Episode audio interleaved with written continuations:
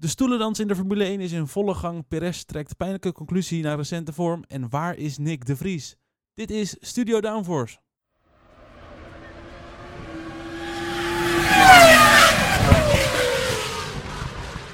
Ja, hallo allemaal en wat leuk dat je luistert naar een nieuwe aflevering van Studio Downforce. De twintigste aflevering van het tweede seizoen. We gaan vandaag vooruitblikken op de Grand Prix van Hongarije. Dat doe ik niet alleen, dat doe ik samen met Lies. Hoi. Hallo, hallo. En samen met Elias. Hallo. Hallo, hallo. Ja, wat gaan we vandaag doen? We beginnen zo meteen met de stoelendans. Het was eh, vorige week, hebben we de podcast eh, Hals over Kop eerder online gezet. Omdat toen vanuit Alfa Tauri het nieuws kwam. Nick de Vries gaat weg en Ricciardo komt eh, daar in de plaats daarvan voor de rest van het seizoen. Daar beginnen we dus zo meteen mee. We hebben het nieuwtje van de week vervolgens ook. Wat dus niet de stoelendans is, maar iets anders. We hebben de downforce discussies. Dus we sluiten hem af met een vooruitblik op de Grand Prix in Hongarije op de Hungaro-ring. Voordat we gaan beginnen, Elias, heb jij nog volgens mij een bericht aan onze luisteraar? Jazeker. Eh jullie kunnen ons volgen op sociale media. We hebben Facebook, LinkedIn, Twitter en Instagram. Daar kun je ons volgen op studio.downforce. Dan zie je extra content van eh, ja, Studio Downforce. naast dus de podcast. Eh, bijvoorbeeld voorspellingen eh, en previews van nieuwe afleveringen. Je kan ons ook volgen op Spotify of Podbean. En dan mis je nooit meer een nieuwe aflevering. Dus zeker doen. Zo is dat. Laten we beginnen. Het gaat steeds beter, Elias. Ja. Vind je? Ja, maar ja, ga even er wel in zitten.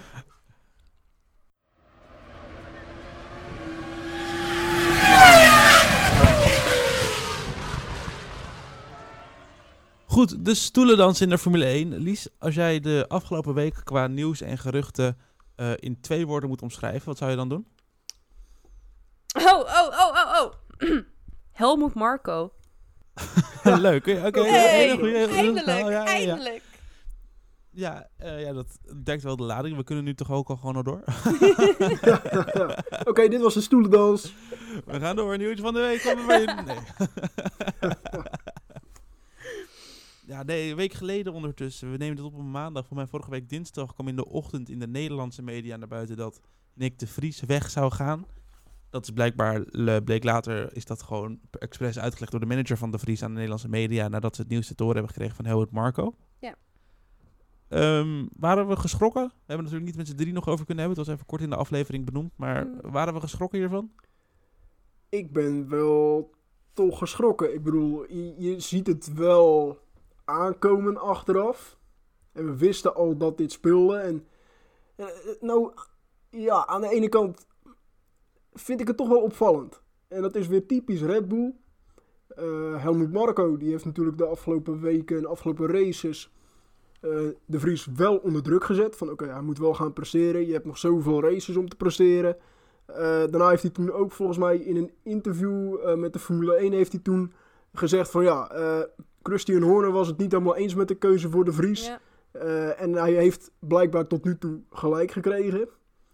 Eh, En daarna zei Horner tijdens het weekend in Silverstone, zei hij, we gaan niemand wisselen, we gaan eh Perez niet wisselen, we gaan de Vries niet wisselen, daar zijn we totaal niet mee bezig nu. En de dinsdag na de Grand Prix van Silverstone, drie keer de Vries Ja, ja, ja. eruit gebonjourd. Eh, die moest vertrekken en nauwelijks een bedankje. net aan van Alfa Tauri gekregen van Frans Tost, de teambaas. Maar verder helemaal niks over het vertrek van de Vries. Nee. Maar wel Ja, over zijn vervanger.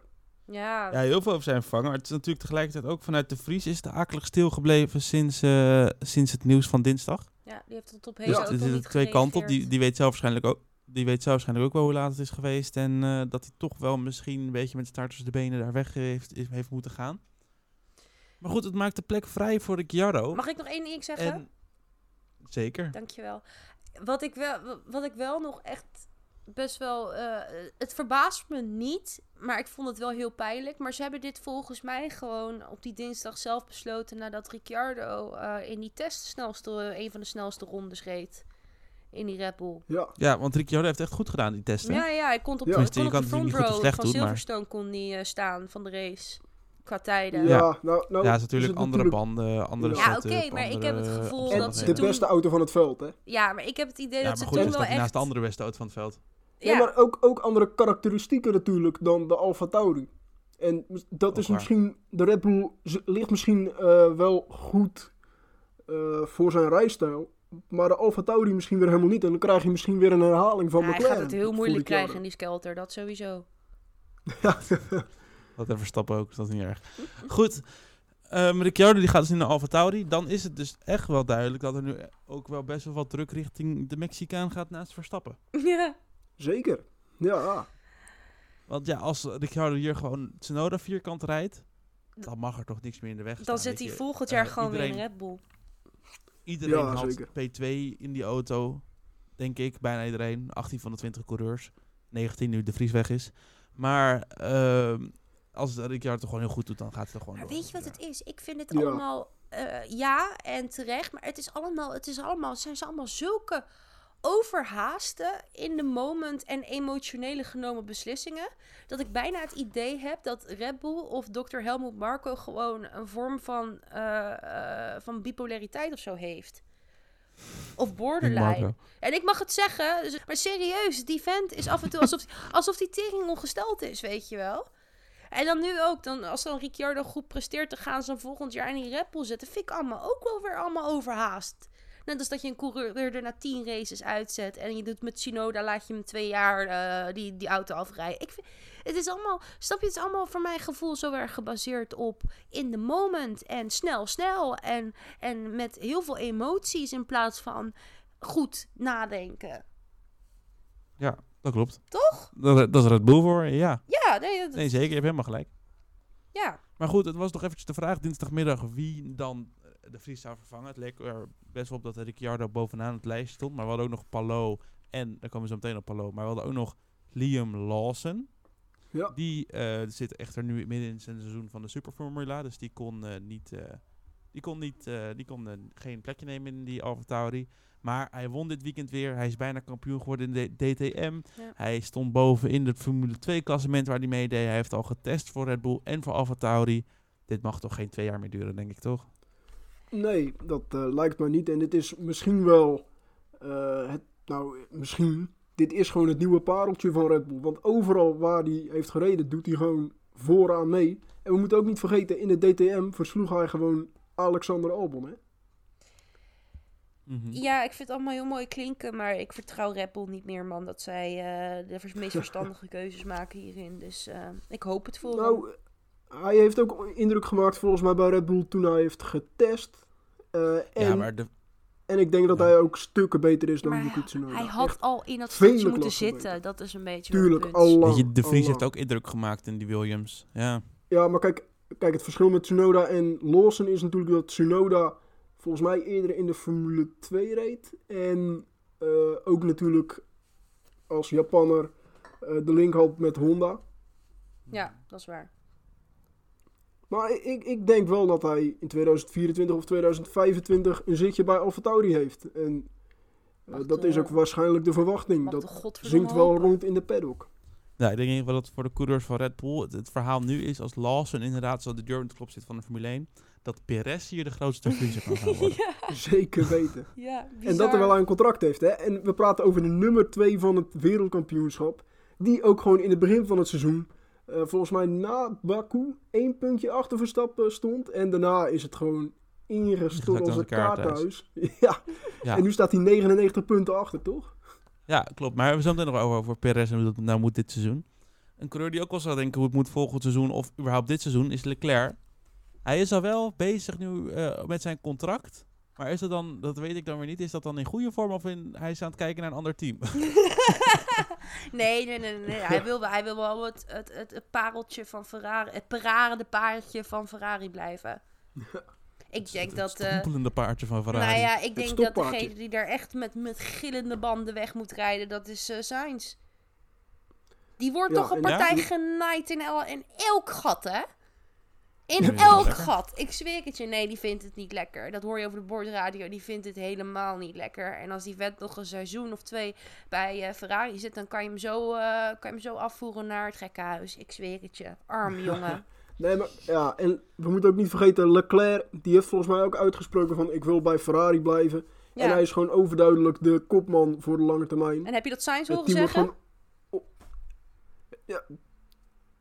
Nou, nee. Maar Precies. ja, het team, het, het team wordt om hem heen gebouwd. Maar Sainz doet het ook dit seizoen echt niet verkeerd hoor. En af en toe denk ik ook van ja, hij wordt zo duidelijk in de rol van tweede coureur geduwd. Terwijl hij Ja, gewoon soms wel. sneller is dan Leclerc. Dat is gewoon echt bizar. Want Ferrari Absoluut. schiet zichzelf gewoon daardoor in de constructeurstitel. Schieten ze gewoon elkaar, eh, zichzelf in de voet. Ja, Ja, ze doen niet echt enorm. mee om de titel, maar wel. Het is, het is toch prijzengeld. Ja. Mhm, zeker weten. Goed, dan, eh, want Sainz, ja, hebben we vorige week natuurlijk ook over, over gehad. Audi staat, bij, staat hoog op het lijstje, of tenminste, Sainz staat hoog op het lijstje van Audi.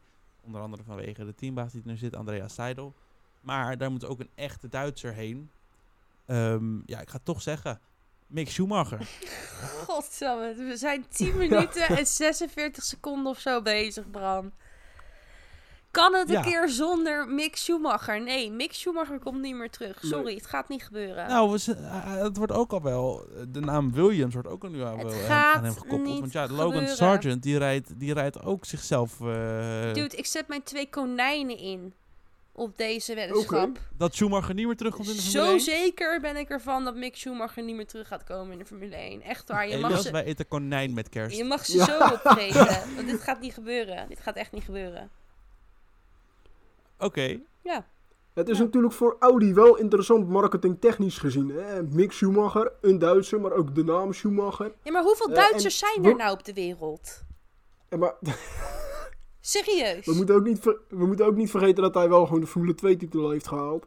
En bij Haas, ja, heeft hij gewoon het tweede seizoen, eh, zijn tweede seizoen heeft hij het lastig gehad. Lastig, hij Eh, heeft 10 miljoen ja. schade gereden. Ja, dat zeker, ja. Ja, nou, ik denk dat hij nog wel terugkomt. Goed, dan gaan we naar een ander team, Alfa Romeo. Eh, snel ook maar door, want ik heb het idee dat dit een gevoelig onderwerp is. Eh Alfa Romeo, daar is ook weer een en ander aan de gang momenteel. Eh, Bottas hebben we daar natuurlijk zitten. Die zou misschien wel bezig kunnen zijn met zijn laatste dansje in de Formule 1. Ook omdat eh, Joe Guan Yu natuurlijk nu wel een beetje beter en beter aan het presteren is. Ja. Weten we trouwens nog de tijd dat we in de eerste paar afleveringen eh, zeiden we gaan een DM sturen naar Guan Yu Joe of Joe Guan Yu om te vragen hoe hij Ja, ik weet het nog. En ja. we weten Ja. het ook nog steeds ik, ik moet in één keer aan denken. Het, is, het is Guang Yu Zhou, maar eigenlijk is het ook Tsunoda Yuki dan. En dat doen we dan weer niet. Ja. ja, misschien is het wel Verstappen Max, je weet het niet. Maar goed, het zou dus kunnen dat Joe daar wat langer blijft rijden. Maar eh, het wordt natuurlijk ook weer Audi. Dus ja, het is eh, maar even de vraag hoe dat gaat. In ieder geval, ik denk wel, de komende jaren zal Alfa Romeo of Sauber of Audi, hoe je het ook wil noemen, die wordt wel actief op de transfermarkt. En dat is alleen maar fijn. Ja, zeker. En dan is wel de vraag, eh, wil je een ervaren coureur om die auto alvast beter te maken op niveau, die de auto door kan ontwikkelen, of wil je dan een jong talent dat zich dan eh, kan ontwikkelen en dan klaar staat voor als Audi in de Formule 1 komt in 2026? Ja, dat is natuurlijk de vraag. Ja, En dus misschien dan- moeten ze ja. daar wel even voor naar de andere kant van de oceaan. Want daar hebben we een IndyCar-series. En daar doen dan nog wat coureurs in mee die het eh, zo nu en dan best, best aardig doen. Eén daarvan, ook afgelopen weekend weer. Maar over die IndyCar-race hebben we het zo meteen wel. eh Palou. Ja. Eh, momenteel een McLaren-coureur voor de Formule 1. Maar voor de IndyCar weer een andere coureur. Zeg dat goed, Elias? Ja, klopt. Eh, hij raced voor het team van Chip Ganassi. Eh, daar is vorig seizoen ook nog een hele soap over geweest. Nou, daar kunnen ze een serie over maken. Misschien wordt er ook nog wel een serie Netflix. over gemaakt. Eh, ja, wie weet. Drive to Survive, maar dan de IndyCar-versie. Eh, maar goed, ik zal even uitleggen wat er gebeurde. Palou schijnt dus een contract te hebben getekend bij McLaren. Eh, maar die had dus nog een contract bij Chip Ganassi. Dus had hij eigenlijk twee contracten. Eigenlijk een beetje vergelijkbaar met eh, Piastri, Piastri, vorig ja. seizoen. Ja, eh, maar hij had dus dubbel contract, schijnt. Maar ja, toen is hij wel bij Chip Ganassi gebleven. Maar hebben ze ook een deal gesloten dat eh Palou wel reservecoureur mag zijn bij McLaren. En ja, Palou doet het nu meer dan aardig dit seizoen. Hij is al voor, IndyCar kampioen. Eh, en dit seizoen staat hij 140 punten voor. Ja, dat is best, eh, best wat. En hij werd natuurlijk ook genoemd bij Alfa Tauri. Want het IndyCar seizoen is in september afgelopen. En dan zou hij het seizoen afmaken. Nou, dat is nu niet uitgekomen. Want Jack Ploy zat er, helemaal, zat er helemaal naast weer, hè? Jackie, Ja, echt, ik heb altijd mijn vertrouwen in jou. Wat is dit nou? Sorry, ga door. Nee, dat was het eigenlijk. Sorry. Helemaal afgekraakt. Ah. Maar goed, ik moet natuurlijk wel zeggen... Oh nee, dat is helemaal niet waar. Ik wilde zeggen dat eh, die punten van eh, eh, Alex Polo ook kwamen door de Indy 500. Want daar doen ze dubbele punten, maar hij is Oh. daar vierde geworden. Dus dat heeft helemaal geen zin dat ik dat zeg. Nee, ik dacht ook even van, hey, oh ja, wacht, hij is geraakt door VK toen. Ja. Ja, precies, helaas. Eh, maar goed, inderdaad een hele riante en fijne voorsprong voor eh Palou dus in het IndyCar kampioenschap. En dus mogelijk een eh, stoeltje bij Red Bull of bij de Red Bull familie. Wie dat, eh, wie dat niet hoeft, dat is Alexander Albon. En terecht. Die eh, zou, ja zeker weten, die Zo. zou Red Bull vriendelijk bedankt hebben nadat ze toch even hebben gepeld. Hey, Alfa Tauri naar Red Bull. Zie je het zitten? Nee. Wat ik trouwens ook wel niet. heeft gezegd, dat doe ik niet. Want hij is nu echt een ware teamleider aan het worden bij Williams. Ja, Ja. en het is een Red En Bull team- Survivor. Ja, Ja, ja. Nee, er maar zijn er weinig van Ja. in de Formule 1 Kijk, momenteel. Ja, Wi- Williams wil ook het team om eh, Albon gaan bouwen. Hè. Dat heeft James Vowles heeft dat wel gezegd van de teambaas. Die heeft gezegd van ja, ik wil Albon behouden voor Williams en daar het team omheen bouwen. Ja, meer dan logisch ook. Ik las Ja. ook dat eh, Albon best wel wat rust en tevredenheid meebrengt richting Williams. Dat is alleen maar fijn natuurlijk voor zo'n team. Ja, presteert zeker. fantastisch in die, eh, in die eh, wat is het? Eh, dat, dat, is ook, dat is ook echt een kruiwagen. Ja, Nou, als uh, Sargent erin rijdt wel. Het wordt wel een betere auto. Hè. Ik En denk dat hij hem het is beter gewoon een hele maakt, snelle auto op het rechte stuk. Ik denk Ja, dat hij, dat hij hem ook. beter maakt dan dat hij is. Nou, dan gaan we van de ene kruiwagen naar de andere kruiwagen. Bij Haas. Hulk! Daar is namelijk- Hulk best wel zeker van zijn plek. Ja, wie had... In ieder geval te- Zo, dat je... In ieder geval ten opzichte van Magnussen. Want Magnussen die is alles behalve zeker voor, van zijn stoeltje. Hij behaalde dan wel pole in eh, Brazilië vorig of sprint pole in Brazilië vorig jaar. Ja, die gingen gewoon op het juiste moment naar buiten. Ook al heb ik dat toen waarschijnlijk niet gezegd. Volgens mij heb ik toen in de aflevering Ja, gezegd... Voor mij heb ik dat toen gezegd dat hij de geweldigste persoon van de wereld was. Precies, Dus precies. Dat, dat kan is ik nog herinneren. Eigenlijk bizar hè, dat we, dat we hier het over een coureur hebben die het vorig seizoen uitstekend heeft gedaan. Een comeback heeft gemaakt terwijl hij eh, uit Ja. de Formule 1 was. Eh, in 2019 uit mijn hoofd was zijn laatste jaar. 2020. 20. Twi- 2020 bedoel ik. Eh, en toen moest hij vertrekken bij Haas omdat Mazepin en Mick Schumacher kwamen. Goh, wat een goed Eh, idee. en Mazepin vertrok eh, omdat er een hele soap was rondom eh Een oorlog. Uralkali en de oorlog tussen Rusland en Oekraïne. Zo rondom En- een en toen oorlog, kwam- Elias. Soap! Nou, oké, nee, niet. eh, nee, maar, Alsof nee, de Piastri, het vergelijkbaar met Piastri. Oh, ik voelde Nee, dit maar- al misgaan. Ik voelde dit misgaan. nee, maar kijk, Wij moeten voor Hij- hij als- Elias. hij, nee, maar hij als sporter, als sporter was hij daardoor inderdaad geraakt, Mazepin. Eh, Ja. ja. en daardoor kwam Magnussen terug als vervanger.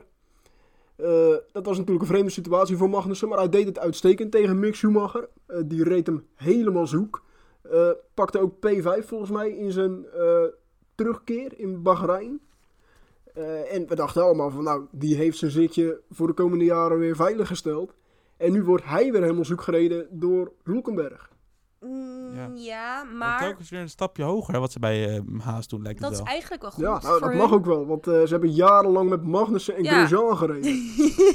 nee, maar eerlijk, jongens. Ma ik, kijk, ik denk Magnussen, die, die presteert niet, niet eens zo slecht. Alleen Hulk, die is gewoon een kwalificatiebeest. Maar die zie je dan Ja, in Oké, de we races gaan niet Hulkenberg steeds. pijpen in deze podcast. We Hallo, nee, we nee, nee, Oh, ik mag ook wel. even. Als jij met je Schumacher aankomt, mag ik ook even. En ik wil het, ik wil het ook echt een andere, andere manier opspinnen. Wat ik nu vergeten ben, omdat jij soort van door mij heen loopt te lullen. Maar wat ik wilde zeggen... Jongens, we moeten even één ding niet vergeten. Is eh, die Ferrari-motor die nu in die haas zit. Dat is toch een onbetrouwbare fucker. Ik weet niet hoe vaak Ja. die al eh, naast het veld hebben gestaan met, eh, met, een, met een brandend motortje. Zoals Coronel zou zeggen, 10 out of 10, 10 out of 10, weet je wel. Dus dat, maar dat alleen bij draagt ook Alfa Romeo bij, en. Haas, niet bij Ferrari. Ja, nee, dat die, ze hebben, ze hebben gewoon de, de motor van vorig jaar hebben ze erin geschroefd of zo daar. Maar het is eerlijk, het- Ja. dus dat, dat geeft ook een vertekend beeld.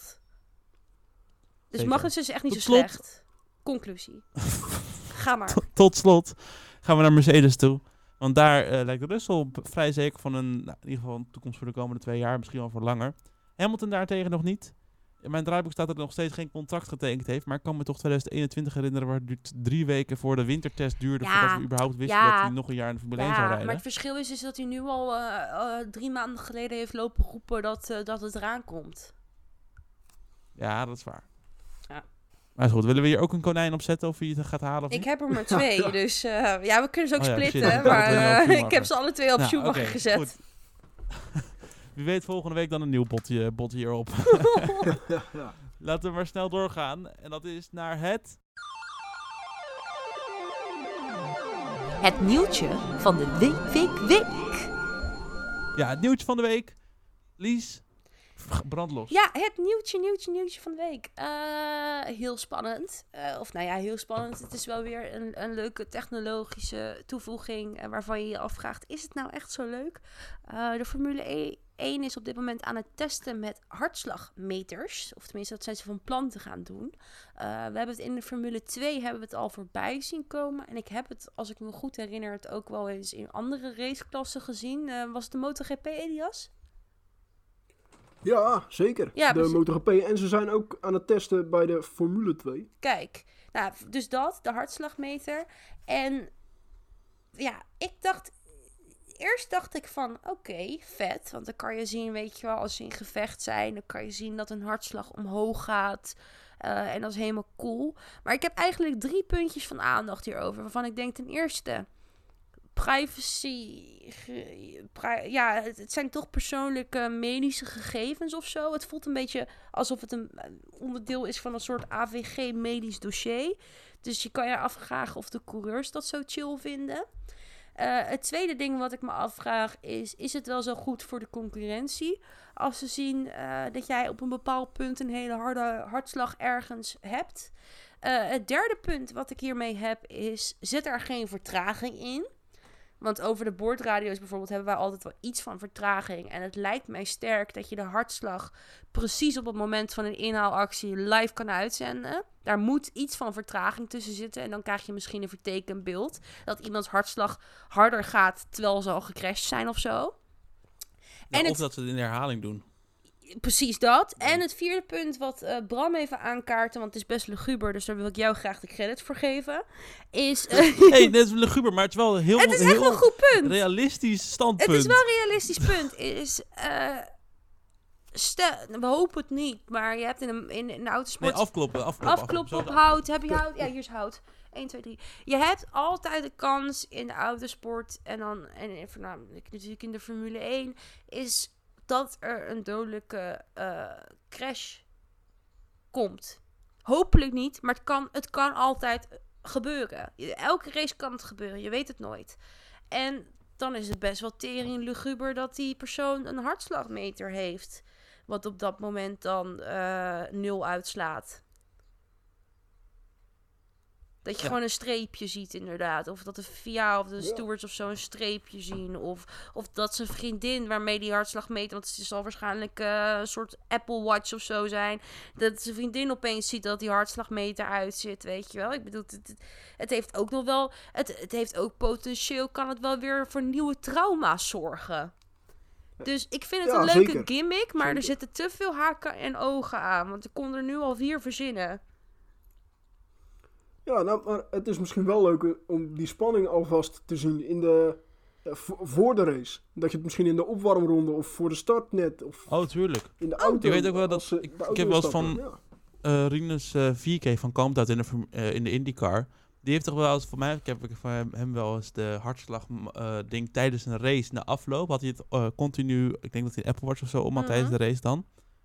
En dan kon hij na afloop zien hoe zijn hartslag was tijdens de race. En dan kon hij zo laten zien wanneer dan de cautions waren, wanneer er een herstart was, wanneer... Ja. En dan kon je zo die hartslag helemaal uitzien. Ja, dan is het wel weer heel is- interessant om is- te zien hoe die hartslag zich dan zo ontwikkelt. Het is, het is wel heel erg cool, maar eh, wat, wat, wat voor toevoeging heeft het echt bij de sport voor ons als kijker? Want je weet dat toch dat waar. iemands hartslag harder gaat als die een inhaalactie probeert te doen? Dat is toch eigenlijk best logisch dat we dat gaan zien? Ja, misschien dat dan nog meer, eh, nog meer soort van medeleven. Of nog meer soort van dat je meerijdt in die auto. Dat het nog meer beleving met Ja, zich dan moeten meebrengt. ze gewoon weer met die helmcam en zo komen. En ik vond die footcam van Norris de vorige keer ook wel vet. Ja. Maar goed, dus mogelijk een hartslagmonitor eh, in de Formule 1. En als je die nu al wil zien, lekker de Formule 2 kijken. Toch? Ja, precies. Nou, dan gaan we door naar de downforce discussies.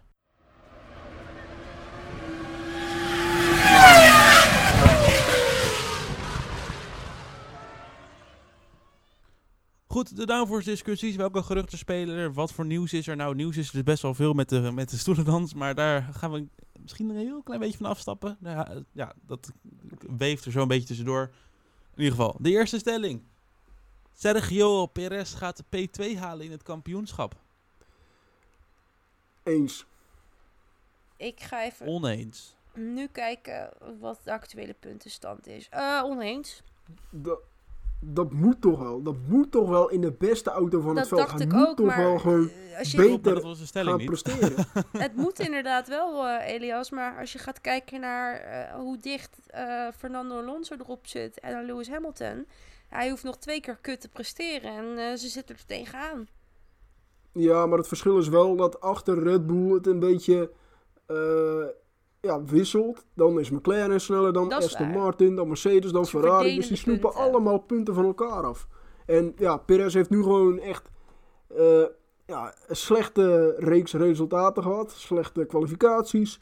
Maar ja, hij moet toch wel uiteindelijk beter gaan presteren. En gewoon meer punten pakken dan ja, zijn achtervolgers. Ja, ik zou er ook geen konijn dus- eh, op durven in te zetten hoor. Maar het, Ja. het, is, wel, het is wel zo dat ja, Perez zich wel zorgen moet maken. Want ja, in de beste auto van het veld en dan maar nipt voor Alonso en Hamilton staan. Ja, dat is toch wel Slecht. schrikbarend. Al- Als je Ja, in zo'n dominante auto rijdt.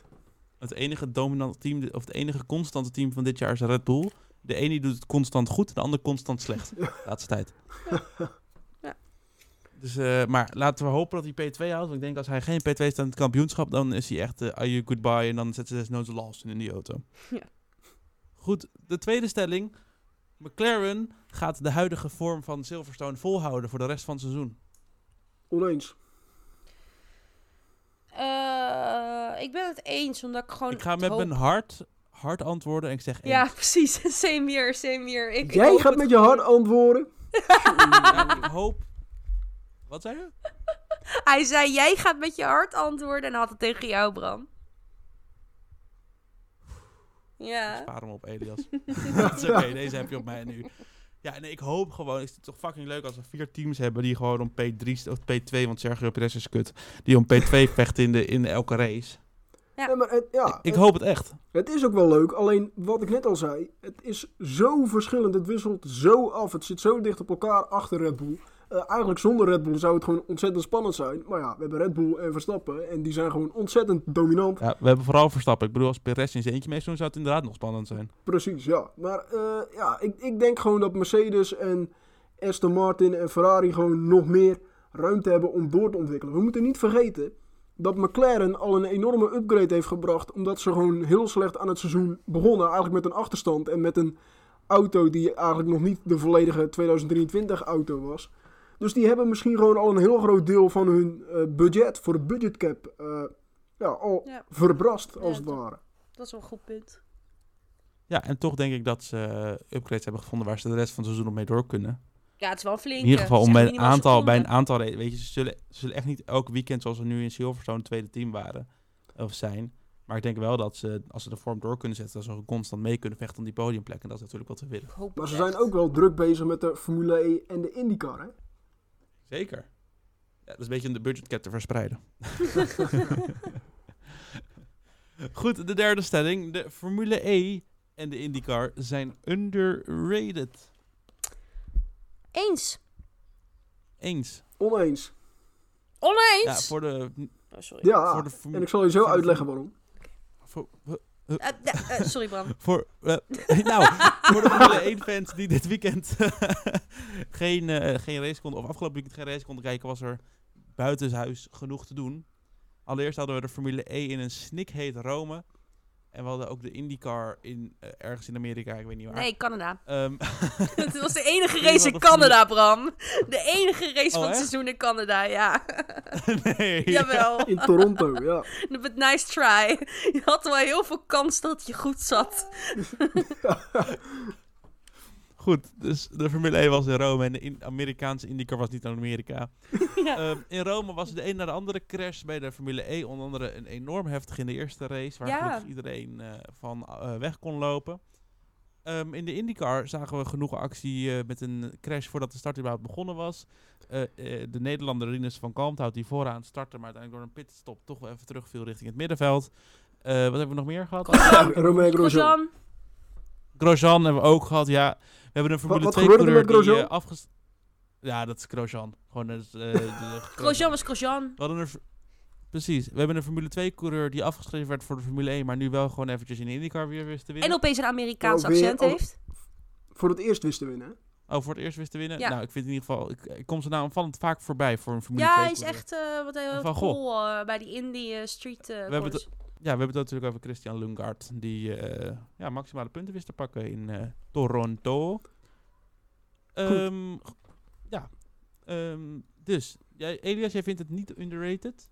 Jij vindt Nee. wel dat ze genoeg aandacht krijgen in Nederland? Eh, ze krijgen niet genoeg aandacht, maar ik zal even uitleggen waarom ik het niet underrated vind, maar overrated. En Oh. dat heeft meer met de kwaliteit te maken, ook van de coureurs, maar ook de auto's. Want de auto's in de IndyCar en de Formule E zijn volgens mij gelijk. Volgens Ja. mij, voor een groot deel. Eh, gelijkwaardige auto's, wat het ook wel leuk maakt om naar te kijken, want meerdere coureurs kunnen dan winnen. Maakt het wel leuk, zit het ook dichter bij elkaar. Maar ja, eh, ja eh, er mist toch iets van competitiviteit. Want je ziet eigenlijk gewoon allemaal dezelfde auto's eh, langsrijden. En nou ja, in de IndyCar rijden afgeschreven coureurs uit de Formule 1, zoals Marcus Ericsson en Romain Grosjean. Eh, Alexander Rossi heeft ook in de Formule 1 gereden. Nou, het waren allemaal niet echt hoogvliegers in de Formule 1. In de Formule E hetzelfde. Eh, Jean-Eric Vergne, die is twee keer uit mijn hoofd wereldkampioen kampioen geworden in de Formule E. Nick de Vries is wereldkampioen geworden in de Formule E. Stoffel Ja. van Doorn is wereldkampioen geworden in de Formule 1. Nelson Piquet Jr. is wereldkampioen geworden in de Formule E. Eh, Ja. Lucas Di Grassi, Sebastian Buemi. Wat ik hiermee probeer te zeggen, dit waren allemaal oud Formule 1 coureurs. En die waren geen hoogvliegers in de Formule 1. Die deden het echt niet ontzettend. Die, pre- die presteerden bijna niks. En ja, dat die het zo goed doen in de Formule E en de IndyCar. Ja, betekent niet dat, dat ze dan opeens topcoureurs zijn. Dus ja, de kwaliteit van de coureurs is dan toch wel beduidend minder. En da- daarom, daarom zet ik ook wel mijn vraagtekens bij een eventuele overstap van Palou hoor, naar de Formule 1. Ik zeg, Ja, ik weet niet zo goed hoor. Het is natuurlijk gelijke auto's. Hè? Dus het beeld wat we altijd hebben gekregen van coureurs in de Formule 1 is niet het hele plaatje natuurlijk. car zitten. Plus, in het is, Ja. ik kan hier uren over Weet je, discussiëren. Ricciardo heeft allemaal races gewonnen. Ricciardo heeft allemaal races gewonnen met Red Bull, maar zag eruit alsof hij een rookie-jaar reed toen hij in McLaren zat. Ja, en ik kan hier uren over discussiëren, maar dat ga ik niet doen gezien de tijd. Maar het enige wat ik gewoon wil zeggen is, het is, het is een andere tak van sport. Je kan het gewoon eigenlijk niet met elkaar vergelijken. Dat denk ik. Maar goed, het is wel heel leuk om naar te kijken. Want Ja. inderdaad, zoals jij al zegt, Elias, het veld ligt wat dichter bij elkaar. Misschien moeten we voor de Formule 1 doen dat Nieuwie de auto voor iedereen ontwerpt. en dan hebben we in ieder geval allemaal- hebben we 20 snelle auto's geval. op- Hij heeft, zeker, staan. hij heeft zeker wel het halve veld gehad, denk ik. Hm? Hij heeft zeker wel bij het halve veld, eh, halve veld gewerkt. Ja, waarschijnlijk is ook de hel, hel- hel- helft van het veld van dit jaar geïnspireerd op de auto van Nieuwie. Dus in principe heeft hij wat, wat, wat, wat doorwerkt. Maar goed, Formule 1, IndyCar, aanraders voor een weekend als er geen Formule 1 is. Of eh, wanneer Ziggo wel verstandig is door die race gewoon fatsoenlijk uit te zenden. Geen Wimbledon te laten zien. Ja, maar die zijn Goed. wel bijna afgelopen trouwens, de seizoenen. Ja. Nou goed, maar we hebben NASCAR en... eh, Je moet ook allemaal. racing Om kijken. 12 Je uur moet gewoon s'nachts. extra betalen. Ja, maar, ja, Ja. goed. Laatste stelling. Mick Schumacher moet vrezen voor zijn Formule 1 toekomst. Nu de Vries weer aan het flirten is met Mercedes. Ja, ik, eh, ten eerste, ik ben het er niet mee eens dat je toch de Vries in deze stelling hebt gewield. eh, gefietst. Vind ik, heel, eh, vind ik heel vervelend. Want waar we het eigenlijk even over wilden hebben, is, is dat Nick de Vries, ondanks dat we hem nog niet gehoord hebben nadat hij ontslagen is, is er wel een foto naar buiten gekomen van dat hij met Toto Wolff in Monaco aan een Een restaurant. eetje had in een restaurant. Nee, nee, nee, nee. It gets even worse than that. Het was geen etentje in een restaurant. Het was een patisserie. Dus dat betekent dat het een, een, een droef gebakje was. Wat ze met z'n tweeën aan het eten waren. En het enige wat je je natuurlijk nu kan afvragen is... waar hebben die erover met elkaar? Want ik denk niet dat Toto Wolf uh, het troost is. Ik denk dat Toto Wolf of zegt van... joh, uh, vertel me even alles wat je weet over die Alfa Tauri. Of dat hij zegt... hey, maar lieve jongen, toch een beetje troostend... we hebben misschien nog wel een baantje voor je. Dus ja, dan inderdaad indirect is is, Ja, dat zou dan reservecoureur slash eh, testcoureur zijn. En daar zit dan toevallig ook... Ja, een of andere Die Mick. ene M. Schumacher. Een of andere Mick. eh, Schumacher. Ik heb er nog nooit van gehoord, Bram Schumacher. Niet? Nee. Nee, hij is een veelbelovend talent. Oh. Die eh, kost wel wat om in je team te hebben. Vooral over Heeft door het hij jaar een heen. bekende moeder toevallig? Nee, zijn, ehm, zijn, eh, zijn eh, oom is heel bekend. Oh, oké. Oh, Ralf! Ja. Ja! Ja, Ralf. Oh Ja, nee, dat is echt een natuurtalent Ja, en die heeft dus weer een broer en die, die heeft wel een keer in de Formule 1 gereden, maar dat was Oh. niet zo, dat was niet met niet zo'n indruk. Oh ja, nee, nee, nee. precies. Maar, maar zeven wereldtitels geloof ik ook, hè? Ja. Daarom. Ja. Ja. Ja, ja, Maar hij is geen recordhouder, want Hamilton heeft er acht. Oh nee. Oh nee. oh, ik ben zo blij dat er geen Engelsen naar onze podcast luisteren. Nee, die, wa- die, die waren al afgehaakt bij dat er een drama was rondom een oorlog in, Oek- En die het Oekraïne. ook niet. Doos. Goed, ehm, ja, maar het zou kunnen natuurlijk dat eh, Mercedes weer gaat voor een duo reserverijderschap. In, dat hadden ze natuurlijk met Van Doornen en De Vries. Toen is Van Doornen naar Al, eh, Aston Martin gegaan en De Vries naar eh Alfa Tauri. Hij is alweer weg daar, dus ik moet er weer even... Dat is natuurlijk geschiedenis nu. Acclimatiseren. Daarvoor is Schumacher toen in de plaats gekomen. En Schumacher heeft sindsdien ook voor McLaren wat testrondjes gereden. En voor Mercedes, vooral de simulator. Ja, nou ja, wat, daar wil ik wel nog even iets op, eh, eh, op aansluiten. Eh, Schumacher die reed wel wat testrondjes, maar dat was in de auto van 2021. En dat was zodat eh, nieuwe, nieuw- nieuwe engineers en zo, nieuwe jongere engineers. Dat die ervaring op konden doen. Dus niet eens Mm. zodat hij kon testen, maar hij de- ze deden het zodat, Oh. zodat, zodat de crew meters kon maken. Ja, wel slim. Ja, was slim. Ja, kunnen ze, kan, de crew oefenen met het opbouwen van een auto nadat die gecrashed is. Eh, nou ja, in ieder geval moeten we nog een eens of een oneens doen. Ik denk deze is toch wel duidelijk. Eens. Eens. Eens. Zou wel leuk zijn als de Vries weer terugkeert bij Mercedes. Ik, eh, het is nog Goed. too soon hiervoor. Oké, too soon. Sorry. Volgende keer deze stelling. Ja. We gaan afsluiten en dat doen we met een vooruitblik op de Grand Prix van Hongarije.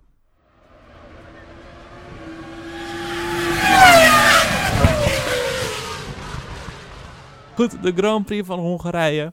Ja, normaal zou dit de laatste race van de, voor de zomerstop zijn. Dat is in ieder geval een aantal jaar achter elkaar zo geweest. Dit jaar niet. Dit jaar zi- zit er nog Spa achteraan. Dus we gaan eh, dit weekend gewoon naar Hongarije met de gedachte dat we volgend weekend nog een keer moeten rijden. De race van vorig jaar, het was best een verrassende. Het was namelijk de eerste pole van George Russell. Ook op het circuit waar Verstappen ooit nog eh, zijn eerste pole wist te pakken. Ferrari ging grof echt, en misschien wel de grootste blunder van het jaar met de strategie van Leclerc dat jaar. Want hij, werd, hij zette op de harde band, werd ingehaald door Verstappen. Verstappen spinde, eh, dus haalde hem weer in. Maar Verstappen haalde weer Leclerc in, waardoor hij uiteindelijk de race won. Enerverend was het zeker. Verstappen die kwam vanaf P10 uit mijn hoofd. Zoiets. Jongens, Die had, die had in de kwalificatie een probleem inderdaad. Ja, dus dan P10. En eh, hij won de race. Dat was toen nog ehm, de, zijn- de race met de meeste inhaalacties. Dus als in, hij start het verst weg voor een overwinning. Dat werd echter een week later nog wat erger. Want toen won hij een zwa van bijna achteraan, volgens mij door gridstraffen. P14 dacht ik. Ja, precies. Nou, dat is dus nog een stukje verder. Het was in ieder geval een eh, dominante eh, vertoning van Verstappen. Misschien dit jaar wel weer. Een jaar eerder trouwens hadden wij eh, regen. Toen Ja. was dat ook de race dat Verstappen zijn ophanging brak in de opwarmronde? Ja, hè? Of in de ronde naar de grid? Dat was in 2020 dacht ik, want in Ja. 2021 hadden we een bolende Bottas.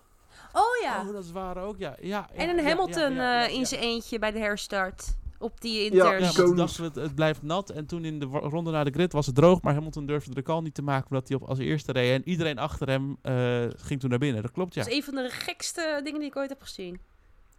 Zeker. Goed, misschien gaan we dit jaar weer wel iets zo geks zien, maar dan in de kwalificatie op zaterdag. Er is namelijk een nieuw kwalificatieformat wat eigenlijk in Imola voor het eerst getest had moeten worden, maar dat werd uitgesteld vanwege de overstromingen en daardoor de afgelasting van een Grand Prix. We gaan namelijk in Q1 op de harde band rijden. In Q2 de medium en in Q3 de zachtste band. Klinkt een beetje gek. Is het ook? Is om de banden... Het, ja, het is zeker gek. Is om het aantal banden in een raceweekend eh, in te sparen. De verwachting, en eh, jullie moeten me even corrigeren jongens als ik dat niet goed zeg, is dus dat de teams die niet goed de banden op kunnen warmen het moeilijk gaan hebben met dit format. Ja, ja dus dat wordt eh, interessant om te zien hoe, hoe, de, ja, hoe dan de verhoudingen zijn. Maar ik, ik, ik vind het wel leuk hoor, want daarom moet je dus ook in de vrije trainingen ook al eh, het juiste window gaan vinden. Dus ze zijn daar misschien ook al mee bezig om dan meer, eh, ja, misschien wel kwalificatieruns te doen op de harde band of de medium. En nou ja, normaal gesproken alleen op de soft. Dus het wordt wel interessant om te zien hoe, hoe ze die banden aan de praat krijgen. En ook al tijdens ja, die vrije trainingen dus. Maar ja, mij lijkt het wel eh, leuk. Ja, ik, ben, ik moet zeggen, ik ben er wel benieuwd naar. Het, het is natuurlijk uit, een beetje uit het niets gekomen, dit format volgens mij. Niemand die er echt om vroeg en het Ja. kwam er toch. Dus ik moet me nog wel even laten overtuigen. Maar het zou zomaar kunnen dat ik denk van, nou, dit format mag wel wat vaker terugkomen. Zullen we zien dat het gaat regenen?